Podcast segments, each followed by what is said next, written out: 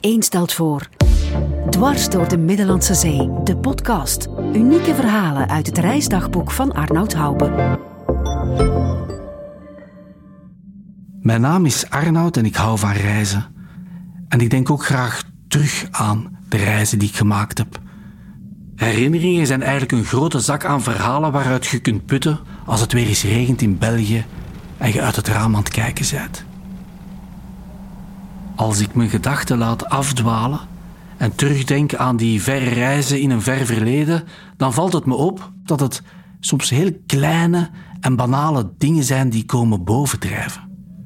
Ik denk aan die keer dat ik met vader en moeder op vakantie was in de Provence en dat we heel lang moesten aanschuiven voor een ijsje. En toen dat ik het ijsje eenmaal had, viel het voor mijn neus op de dijk op de grond. Of die keer dat ik gestoken werd door een wesp in mijn tepel en dat onze papa die angel er moest uitzuigen. En ik krijste van de pijn. Of die keer dat ons moeder mijn rug was vergeten in te wrijven. En dat ik ja, de rest van de vakantie op mijn buik moest slapen om, omdat mijn rug vol blaren stond. Ik wil maar zeggen, het zijn vaak niet de grote monumenten die in een mensenbrein overeind blijven. Nee, het zijn die kleine voorvalletjes, dat peper en zout van het reizen, die bijblijven. Op dit moment ben ik een reis aan het maken dwars door de Middellandse Zee met, twee vrienden, met Ruben en Filip. Ruben de droneman en de geluidsman, Filip de cameraman. Maar met dat we die reis aan het maken zijn, ja, weten we nog niet welke verhalen dat er later zullen komen bovendrijven als we met ons wandelstokje in het woonzorgcentrum zullen zitten en zullen nakaarten over wat we hebben meegemaakt. Nee, onze herinneringen zijn op dit moment nog te vers. Ik weet niet welke herinneringen zich zullen uitkristalliseren in mijn hersenen. Wat ik wel weet, dat het nu geweldig goed gaat. We zijn op weg van west naar oost, van eiland naar eiland, van Gibraltar naar Jeruzalem, dwars door de Middellandse Zee.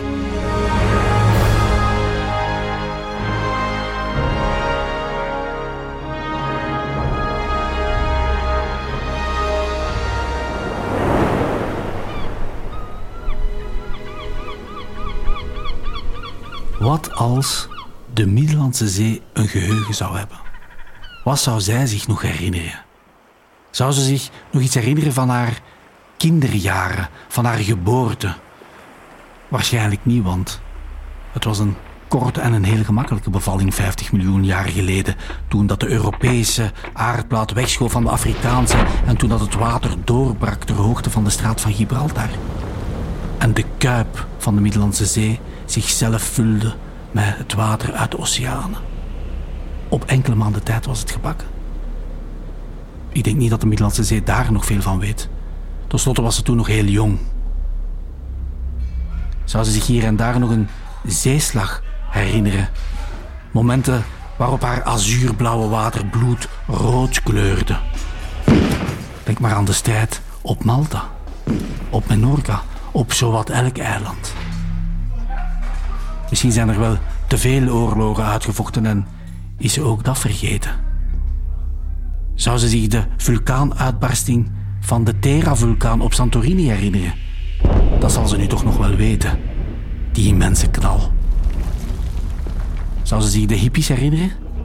Dat langharig tuig dat kwam feesten op haar eiland? Zou ze zich het massatoerisme herinneren dat als een sprinkhanenplaag over haar gebied uitzwermde en de authentieke cultuur op haar eilanden begon aan te vreten? Of zou ze net dat ene moment herinneren waar we ons nu in bevinden? Het moment dat de COVID-crisis toesloeg en dat het weer stil werd in de Middellandse Zee. Ik weet het niet. Ik kan het haar niet vragen, maar als ik hier in mijn dagboek kijk dat voor mij ligt, is dat wel een herinnering die mij zal bijblijven tot het laatste van mijn dagen. We zijn beland op Kreta. Ruben, Filip en ik hebben er een fantastische reis op zitten. Maar op dit moment slaat de COVID-crisis zo hard toe dat we ons einddoel niet kunnen bereiken. We kunnen niet naar Jeruzalem. De poorten van de heilige stad zijn op slot. De geschiedenis heeft ons ingehaald. Wat gaan we nu doen? Huilen, naar huis bellen? Vluchten? Nee. We gaan naar huis, oké. Dat moet. Dat zijn de regels van het spel. Dat zijn de nieuwe regels die de geschiedenis ons dicteert. Maar als ik hier de COVID-kaart van de Middellandse Zee voor me openplooi, dan zie ik tussen de oranje en de rode zones een gele zone in Venetië. Is dat geen stad die moeiteloos naast Jeruzalem kan staan? Qua grandeur, qua geschiedenis? Ik dacht van wel. We gaan met de borst vooruit eindigen. We stappen op het vliegtuig en we reizen naar Venetië.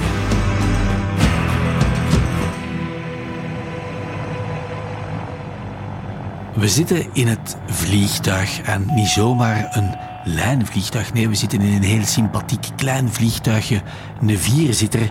En ik mag van voren zitten. Ik zit naast piloot Alessandro. Een ras-echte Italiaan, kort zwart haar, perfect in model gelegd met een beetje gel. I've never been to Venice.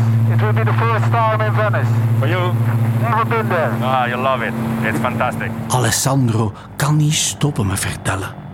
Het is één woordenvloed aan informatie over Venetië. Piazza San Marco is the only square in Venice. All the other ones are called campi or Ja. Venetië. Welke stad ter wereld heeft er ooit meer dan duizend jaar geregeerd over de Middellandse Zee? Geen enkele. Venice during the day is, fun, is great, but Venice at night is magic. It's fantastic. It's Alessandro zet de landing in. Het vliegtuig begint te zakken en hij maakt nu een grote bocht over de lagune. Prachtig. Venetië bestaat uit 118 kleine en grote eilanden. Het is een grote, levende archipel. It's a living thing, the lagoon. Yes, surely. This is threatened by water, Yes. by climate change. This lagoon will once disappear into the sea. Uh, yes, Venice is built into palafittes and it's drowning. It's going down. It, uh, it has lost uh, kind of uh, 30 centimeters of altitude in the last uh, uh, one century. So it's going down. And on the other side, the waters are climbing. De zeespiegel stijgt onherroepelijk en Venetië, gebouwd op palen, zakt elk jaar. En die combinatie is op den duur een dodelijke cocktail. De zon schijnt hard op het water en de eilandjes prikken in mijn ogen. Fantastisch. Alessandro doorbreekt weer mijn gedachten door de intercom. Uh, we are going to land in the uh, airport of Venezia Lido. It's called uh, Nicelli Airport, Venice Lido Airport. Voor ons doemt Nicelli Airport op. Door de BBC ooit verkozen tot een van de mooiste luchthavens ter wereld. Ik kan niet wachten om het te zien. We hangen nu laag boven de grond en ik begin me nu echt wel af te vragen waar die landingsbaan is. Ik wil het aan Alessandro vragen, maar nog voor ik het kan vragen, dendert ons vliegtuig over het grasveld. Ik word helemaal doorheen geschud. Dit is verschieten. How was the landing? Decent. Good. It was for me. It was a big surprise. I was expecting some some tarmac, but uh, Uh, grass. you didn't prevent me of, of the grass. You were not expecting this? Oh. Misschien of dat we hier op het voetbalveld van FC Venetië zijn geland. Dat is hier een noodlanding precies.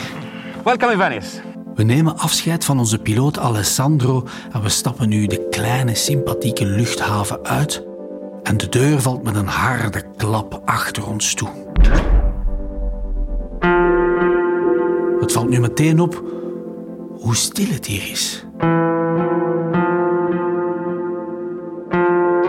Ik kijk rond mij. Hier en daar stapt iemand in de verte tegen de gevels aan met een zak snel naar huis. Voor de rest muisstil. Het water slaat lusteloos tegen de kaaien. Ik wil naar het San Marcoplein, zeg ik tegen Ruben en Filip en ze klikken instemmend. Ja, ja dat, dat moeten we gezien hebben, het San Marcoplein. Dat emblematische plein in het hart van Venetië, waar dat de volledige geschiedenis van de stad samenkomt. Plein dat elke toerist wil gezien hebben. Maar waar zijn al die toeristen? 30 miljoen toeristen komen er jaarlijks zich vergapen aan de schoonheid van Venetië. Ze zitten allemaal thuis ondertussen. Ik denk dat we nu ongeveer de laatste toeristen zijn in het Middellandse zeegebied. Op weg naar het San Marcoplein. En ik maak hier een punt van. Ik wil daar aankomen met de gondel. Daar in de verte zie ik een aantal gondeliers lusteloos geleund tegen een balustrade. Je herkent ze direct. Gestreepte t-shirt en een strooien hoed. Maar de mannen die dat je kent van op de postkaartjes, lachend en altijd goed gezind, zien er nu bedrukt uit. Wij zouden graag een gondel nemen naar het centrum. Perfetto, partiamo. Hoe heet u? Marco, En hoe is de sfeer, Marco? adesso Venezia. Purtroppo triste. Oh, Marco roeit met rustige, zekere slagen. Zijn gondel baant zichzelf een weg in het spinnenweb van kanaaltjes van de binnenstad. En telkens wanneer Marco met zijn gondel aan een bocht komt, fluit hij. Hoi. Ja, zegt hij, dat is met een natuurlijke toeter. Wij moeten dat doen. We moeten voor elke bocht ons kenbaar maken, anders zouden we op een andere gondel kunnen botsen. Ja, dan zegt hij natuurlijk, gaat dat nu niet gebeuren. Jullie zijn allemaal weg, jullie de toeristen. Het is leeg hier. Ik vraag hem, ja, 30 miljoen toeristen per jaar. Is dat niet wat veel? Ja, zegt Marco. Marco moet toegeven, dat is heel veel, 30 miljoen toeristen. Zeker als ze hier worden uitgespuwd door die gigantisch grote cruiseschepen. Dan kan de stad nog nauwelijks ademen. Maar toch, we hebben die toeristen nodig. En ik weet het, de laatste jaren namen de toeristen de bovenhand. De echte Venetiaan wordt heel zeldzaam. We zijn nog maar met 55.000. 55.000, ik zijn nog maar 55.000 Venetianen. Ik heb gelezen dat in de hoogdagen hier in de middeleeuwen dat er hier bijna 200.000 mensen woonden. In de middeleeuwse stad en nu in een moderne stad nog maar 55.000 mensen. Ja, zegt Marco, het is eh, ontzettend moeilijk om hier te blijven wonen. En inderdaad, het is een wankel evenwicht met de toeristen. De leefbaarheid van de stad staat onder druk. Maar toch, Venetië, vandaag de dag zonder toeristen, is Venetië niet. En wie weet, zegt hij, na corona kan de stad misschien een nieuw evenwicht vinden. We varen nu verder door de kanalen en onze prachtige stroomlijnde zwarte gondel klieft zich een weg door het water. En ik kijk in de ogen van Ruben en Philippe en ja, ik moet het toegeven, zelfs met hun, dit is een romantische setting, dit is echt wel heel mooi. En ik, ik roep naar Marco, Marco, hier moeten toch ongelooflijk veel mensen een huwelijksaanzoek hebben gedaan in, in jouw gondel. En Marco flirt op, ja, ja, zelfs de coolste kikkers veranderen in warmhartige prinsen in mijn gondel. Amore, amore, amore. Waar heb jij vrouw ten huwelijk gevraagd, Filip?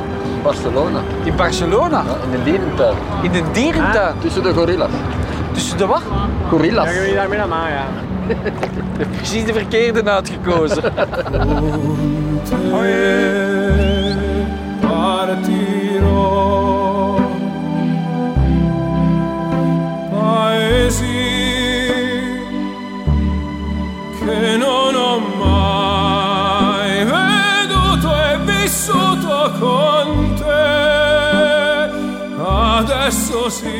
Marco meert aan en de drie Vlaamse gorillas nemen afscheid van hun favoriete gondelier. En we stappen nu de hoek om en daar ligt het, het San Marcoplein. E io lo so, no, no, non esistono più. Con te io li vivrò. Ongelooflijk, hè, Filip. Ik ben zo content dat ik hier ben. Dat is toch geniaal. Dat is bruggen in het kwadraat. De aanblik van het plein snijdt mijn adem af. Machtig, groots, majestueus. De basiliek, het paleis van de Dogen. Duizend jaar geschiedenis op dit plein. Machtig. Ooit was dit het centrum van alle mediterrane handel. Van hieruit werd handel gedreven met het oosten tot ver in Azië, langs de zijderoute. Rijkdom werd naar hier aangevoerd. Paleizen, kunstenaars, alles en iedereen die iets betekende in Europa, werd aangetrokken door Venetië. Filip maakt me wakker uit mijn enthousiasme. Ja, zegt Filip, toen Kelly, dat is zijn vrouw, en ik hier waren, ja, kon hier nauwelijks een crème eten. En kijk ons hier nu staan.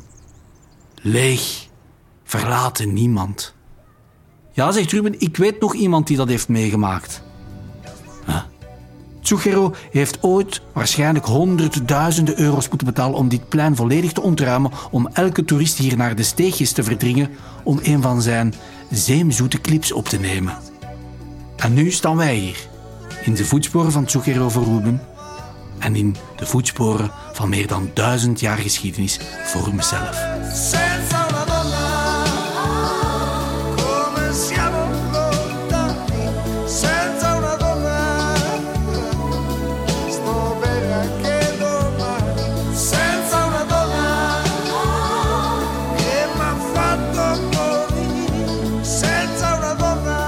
We werpen nog één blik over het San Marcoplein en we zijn klaar om ons te verliezen in de steegjes van Venetië. We moeten naar de markt van de Rialtowijk, want daar zou er nog leven zijn. Daar komen de Venetianen hun inkopen doen, want voor de rest, als we hier rondkijken in de steegjes, zijn alle rolluiken toe. Het is hier muisstil. Links, links, rechts, rechtdoor, rechtdoor, links. We komen niemand tegen. En plots in de geverte wat geroep. Vertrouwd mensen. Handelaars, Venetianen, de markt. En inderdaad, op de markt wordt er druk vis verhandeld, olijven, lekkernijen. We stappen nu door de markt en we slaan hier en daar een praatje met de verkopers. En unisono, ze missen allemaal ons, de toeristen. Buongiorno. È quasi deserta. We zijn blij om jullie te zien, jullie, de toeristen. En nu is het mijn beurt om een liefde te betuigen, want op liefde en romantiek moet je niet besparen in Venetië. En nu zeg ik, ja, maar ik ben ook blij om jullie te zien, de echte Venetianen. Want geef nu toe, stel dat ik enkele maanden geleden was gekomen, ja, dan had ik misschien moeite gehad om jullie te vinden. Jullie zijn nog maar met 55.000, jullie zijn een uitstervend ras. Een vrouwtje met een rode trolley heeft alles gevolgd en komt nu tussen beiden. Però insomma resistiamo, ci sono ancora dei veneziani, non è che siamo dei fantasmi completi. Zeg, kalmeer maar, hè, jongen. Het is ook niet dat wij spoken zijn. Hè. Wij zijn mensen van vlees en bloed. Hier wordt echt nog wel gewoond in de stad. Ja, zegt de visverkoper, mevrouw heeft gelijk, maar moet wel toegeven, mevrouw. De prijzen zijn heel hoog geworden, de jeugd trekt weg en er wordt heel veel vastgoed opgekocht door Airbnb, door grote hotelketens. Ja, die toch steeds meer en meer mensen naar de periferie duwen en uit de stad weg van Venetië. Ja, zegt de vrouw met de rode trolley, maar ik hou het al heel mijn leven vol. En als echte Venetiaanse staan me toe, en ze kijkt nu naar Ruben, mij en Philippe, staan me toe om jullie thuis uit te nodigen. Ik nodig jullie thuis uit voor de koffie. Et vous habitez ici dans le quartier Oui, oui, j'habite pas très loin de là, j'habite ici dans le quartier. En voor we het weten volgen we de rode trolley door de steegjes in de pas van mevrouw Grimani. Een mooie, gracieuze vrouw. We stappen nu een benauwend klein steegje in en mevrouw Grimani begint haar pas te vertragen. We zijn er. Voilà. Ici Oui, c'est là. Staan voor een grote blinde muur en een klein bruin deurtje. Mevrouw Grimani duwt het deurtje open. En wat we dan zien is ongelooflijk. Een grote binnentuin. Een groene oase van rust. Als Vlaming had ik een koertje of zo verwacht, maar dit, dit is gewoon prachtig. Een Romeins beeld, palmbomen. En recht voor ons wijst mevrouw Grimani naar wat zij haar palazzo noemt. Toute la famille Grimani habite ici à l'intérieur et tout le monde a son propre appartement. Non.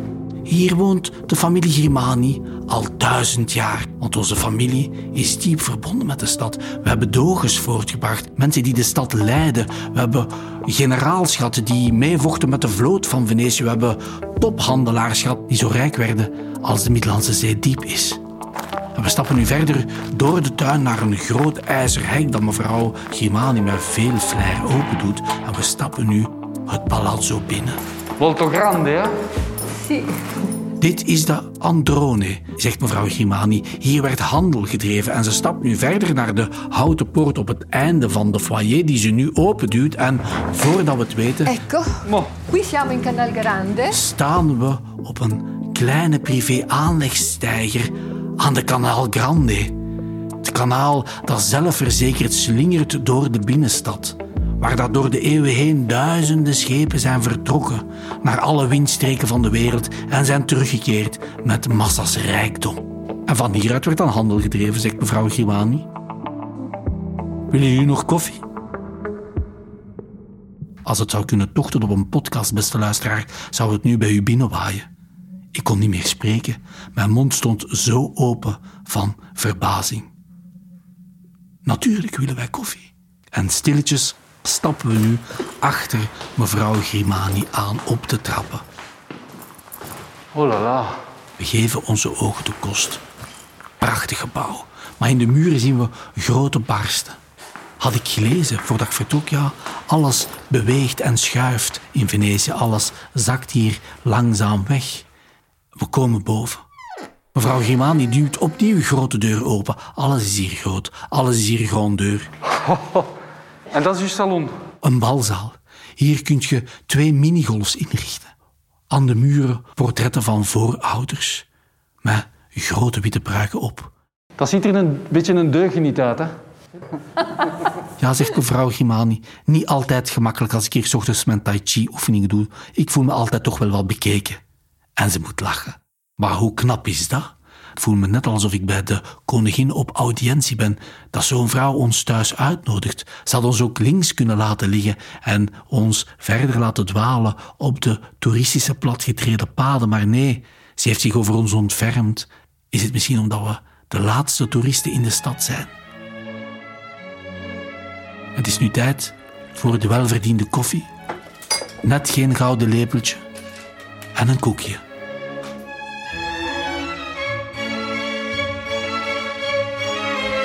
We stappen nu verder door de lege straten over de Rialtobrug, de beroemdste brug ter wereld. In het spoor van Casanova, in het spoor van Marco Polo en in het spoor van Ruben, want Ruben zoekt ons hotel. Zoveel hotels konden we niet boeken, want heel veel infrastructuur is gesloten. Maar we hebben een goede kamer op de kop kunnen tikken. En voordat we het weten, liggen we in een gouden kamer met gouden gordijnen en gouden spiegels en een badjas met zicht op Canal Grande. Ik denk dat dit de meest luxueuze nacht zal zijn op heel de tocht door de Middellandse Zee. En we vallen in een diepe slaap. Het was een fantastische nacht. In een bed waar dat je zelf ochtends in moet gaan zoeken, helemaal weggezakt in het dons en in de kussens. Maar toch heb ik niet zo goed geslapen, ben ik het misschien niet meer gewoon? Ik ben wakker geworden door de klokken van op het San Marcoplein die door mijn open raam de kamer binnengewaaid kwamen. En ik stap nu op mijn balkon en in de verte zie ik de kerk Santa Maria de la Salute liggen. Een machtig bouwwerk. Dit gebouw bepaalt de skyline van Venetië. Ooit hebben de Venetianen deze kerk gebouwd uit dankbaarheid. We keren terug naar het jaar 1630. Venetië wordt getroffen door een keiharde pestuitbraak. Een derde van de bevolking sterft. De mensen die het overleven zijn zo dankbaar dat ze deze kerk hebben gebouwd. Ja, je moet weten, in de middeleeuwen er liep nog geen Mark van Ranst rond. Die kon uitleggen hoe dat een virus of hoe dat een ziekte werkt. Dat de pest veroorzaakt werd door vlooien op ratten en muizen enzovoort. Ja, dat wisten die middeleeuwers niet. Nee, als de pest uitbrak, was dat een straf van God, van hoger hand. En als je het overleefde, ja, dan moest je dankbaar zijn. En dan werden er bouwwerken als dit gebouwd. Machtig, prachtig, getuigen uit het verleden. En de kerk is niet alleen. In Venetië zijn er vijf votiefkerken gebouwd uit dankbaarheid.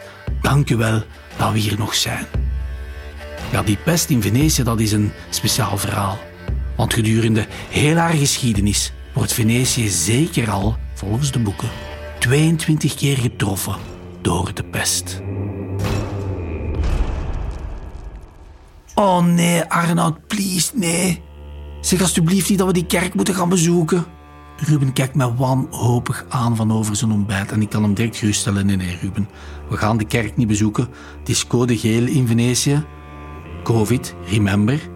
Pest, covid, heden en verleden vloeien vandaag moeiteloos in elkaar over. De kerk is gesloten. Maar ik heb goed nieuws. Wat we wel gaan doen, is we gaan kajakken, we gaan op avontuur, we gaan onszelf verliezen in de Venetiaanse archipel. We gaan ons laten verliezen in de duizend en één kanalen en we gaan op eilandentocht. Is dat geen goed nieuws? Ruben is laaiend enthousiast. En ook Philippe zijn ogen fonkelen, want zijn spieren staan rond en bol, klaar om te peddelen. Ja, Philippe is een heel fysieke mens en hij staat sterker dan ooit na maandenlang filmen op de Middellandse Zee. Ze hebben nog nooit zo snel hun rugzak gepakt en ze stonden klaar voor het hotel. Arnoud, we hebben deze luxe niet nodig. Geen gouden gordijnen van ons, geen pofferige bedden. Nee, nee, geef ons maar die kajakwarism. En we stappen nu ja, naar de brug waar we hebben afgesproken met Giovanni, een kajakinstructeur in Venetië, die ja, regelmatig toeristen rondleidt in de archipel. En vermits dat wij ja, op dit moment waarschijnlijk de enige toeristen zijn, heeft Giovanni hemzelf tijd voor ons. Een fantastische, toffe Italiaan met een stem als een klok. Buongiorno. Buongiorno. Giovanni. Giovanni is mee. En we kajakken nu broederlijk naast elkaar de stad uit. En Giovanni begint meteen te vertellen. Ja, zegt hij, we zetten nu koers richting Lazaretto Nuovo. Als jullie meer willen weten en begrijpen over ja, al die pestplagen die Venetië door haar geschiedenis heen heeft moeten trotseren, dan moeten jullie zeker voet aan land gaan zetten op Lazaretto Nuovo. Het was het eerste pesteiland dat de Venetianen inrichtten in de middeleeuwen. Want de Venetianen waren de pest op het spoor. Ze, ze hadden al vermoedens dat de pest zich verspreidde via luchtdeeltjes. En ze wisten dus ja, dat ze bemanningen vanuit verre oorden in quarantaine moesten gaan zetten. Se il morbo arrivava a Venezia, arrivava in tutta Europa. Oké. De pest kwam ja, meegereisd via de zijderoutes en zette voet aan land ter hoogte van Venetië. En van hieruit heeft het zich verder verspreid over het Europese continent.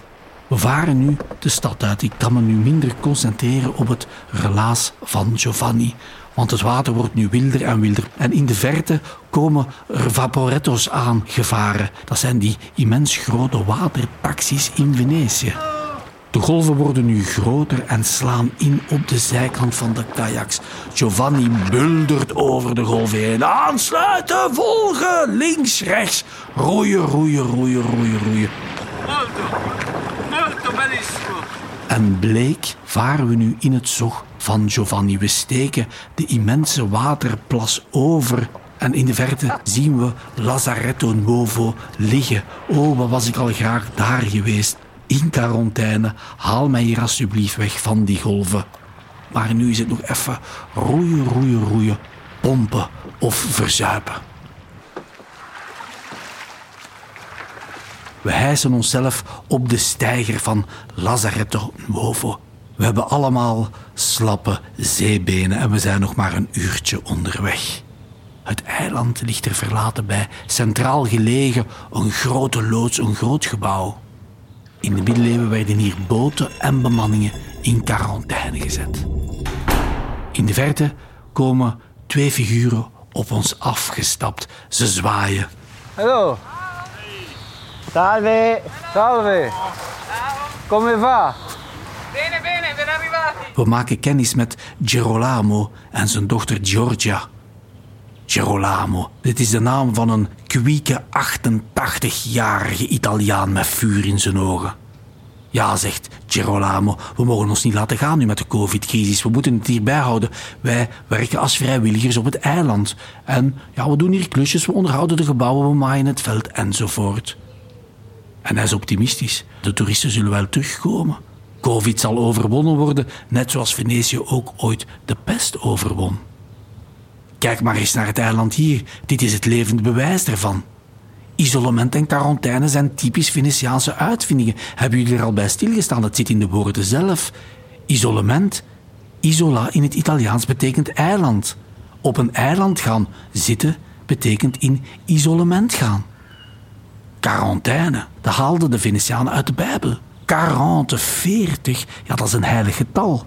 40 dagen is in de Bijbel een periode die vaak wordt gebruikt om een tijd van boetedoening aan te duiden. Dus de Venetianen legden de link. We pakken een eiland, isolement, 40 dagen en quarantaineperiode was geboren. Het recept dat vandaag nog altijd wordt toegepast. We volgen Gerolamo nu naar binnen. We kunnen de kwieke tachtiger bijna niet bijhouden.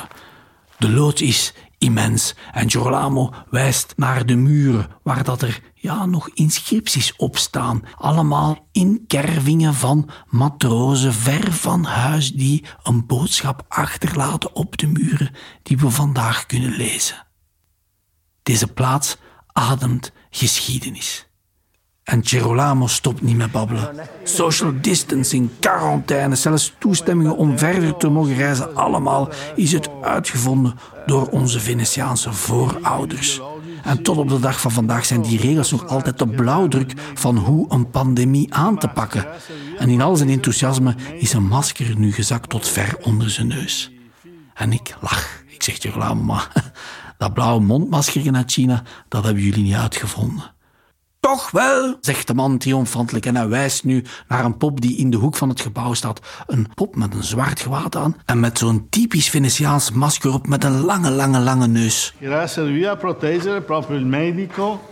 Is een medico? Eh sì. Ook zo'n masker werd gebruikt tijdens de pest, zegt Gerolamo, door dokters die patiënten gingen gaan bezoeken. De dokters staken ja medicinale kruiden in die masker samen met een spons gedrenkt in de azijn om de lucht de weeënlucht van de ziekte te zuiveren als ze bij hun patiënt waren.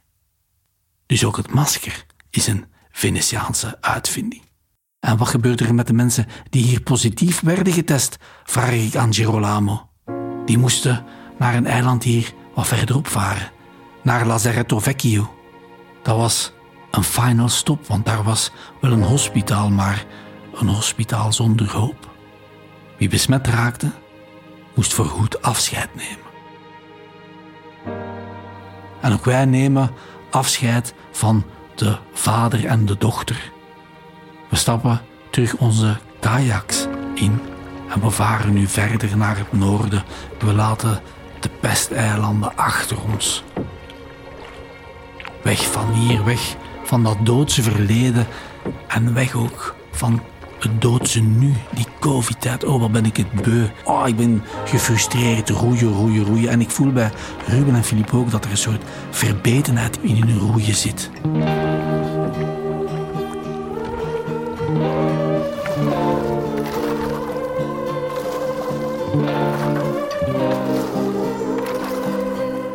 We varen over het tijdloze water van de Venetiaanse archipel.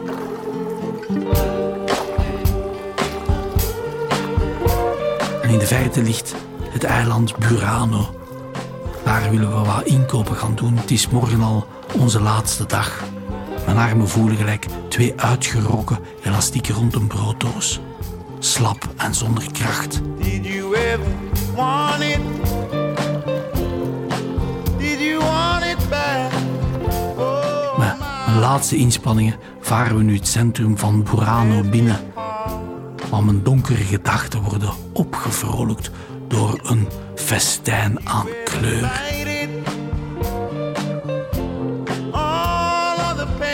Alle huizen in Burano zijn in prachtige kleuren geschilderd. Roos, groen, blauw, geel, alle kleuren van de regenboog. Ik laat mezelf op de kade rollen. Voel me gelijk schranulke, nergens nog kracht, slap als een vod. Maar ik geef mijn ogen de kost. En terwijl ik recht sta, kijk ik in de ogen van een mooie jonge vrouw met een koksmuts op. De vrouw moet lachen. Ja, wat zou ze gedacht hebben? Rare jongens, die Belgen. Maar ik profiteer direct van de situatie en ik vraag haar... Ja, mevrouw, waarom zijn alle huizen hier zo vrolijk opgeschilderd? Goh, zegt de vrouw, ja... Dat is een verhaal dat hier al lang verteld wordt. De vissers vroeger van Burano die hadden de reputatie om stevig te drinken als ze weer thuis kwamen van zee. Na lange weken van ontberingen gingen ze op café en als ze dan s'avonds ja, de weg naar huis vonden, ja, dan mislukte wel eens. En vandaar dat er dan is afgesproken dat elke visser zijn huis in een bepaalde kleur schilderde om misverstanden te voorkomen. Elke visser bij de juiste kleur. Een vrolijk verhaal.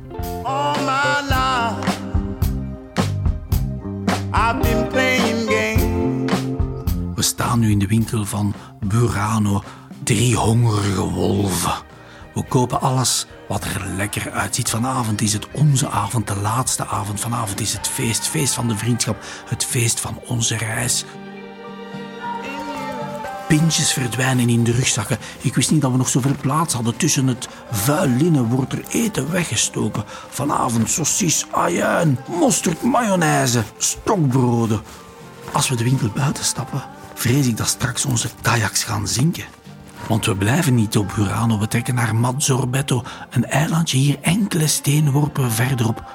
Een verlaten eilandje, een eilandje waar niemand op woont. Het is het eiland van de Venetiaanse scouts.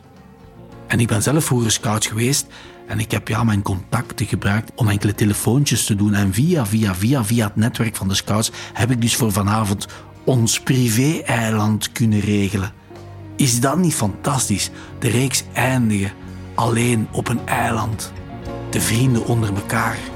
Hoe schoon kan het leven zijn? Ik kan niet wachten. We roeien nu de laatste kilometers door de Venetiaanse lagune en we komen aan op Mazzorbetto.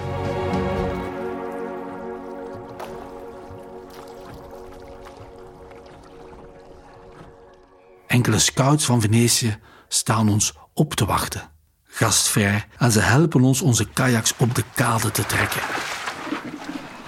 Ja, moet ik kijken neer onze spel? Welgekomen. Slapende beer groet u, zegt een van de mannen en hij steekt zijn drie vingers in de lucht, zoals een goede scoutsgroet wordt uitgevoerd. Ik doe hetzelfde, drie vingers in de lucht en ik antwoord. Grote beer groet u ook. Twee beren samen, dat is een goed begin voor een mooi einde. De man leidt ons rond op het eiland. Hij heeft sleutels bij. In het midden van het eiland staat een oud fort uit de Eerste Wereldoorlog. Hier hebben nog soldaten geslapen toen dat ze moesten strijden tegen Oostenrijk-Hongarije. Maar vanavond gaan we de geschiedenis laten rusten. Vanavond gaan wij geschiedenis schrijven. Vanavond is het ons moment en gaan we in het nu leven. De man neemt afscheid. Hij gaat ons nu achterlaten op het eiland. De maan schijnt nu hoog. Het is stil op de Middellandse Zee. En Ruben heeft het vuur aangestoken. Mooi, Ruben. Dat kijk goed dan, hè. De gamellen met eten staan klaar. De pintjes zijn nog koud. Ene toast volgt de ander op. Herinneringen worden opgehaald. Welke het zullen halen en zullen overleven, dat zal de tijd uitwijzen. Morgen gaan we nog een allerlaatste keer het water op. En daarna zullen we naar huis keren. Naar onze families. Ik kijk nog eens diep in het vuur. En ik hoor alleen nog het knisperen van het smeulende hout. Konden we ons een mooiere laatste avond wensen? Santé, jongens. Op wat drinken we? Vriendschap. Vriendschap? Dromerig steek ik mijn blik in de lucht. Nee, een mooier einde dromen, dat konden we niet. Follow, follow the sun, which way the wind blows. When this day is done. Breathe, breathe in the air, set your intentions,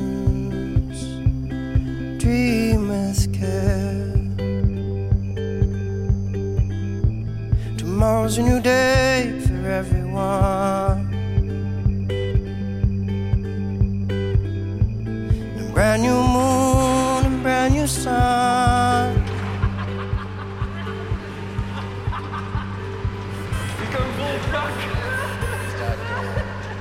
Molto passionale.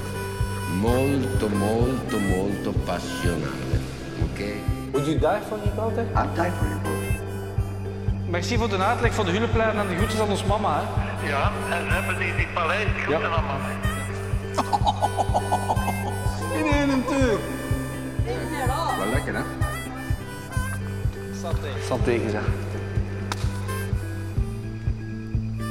Stap wel. Allemaal niet. So follow, follow the sun, which way the wind blows when this day is done.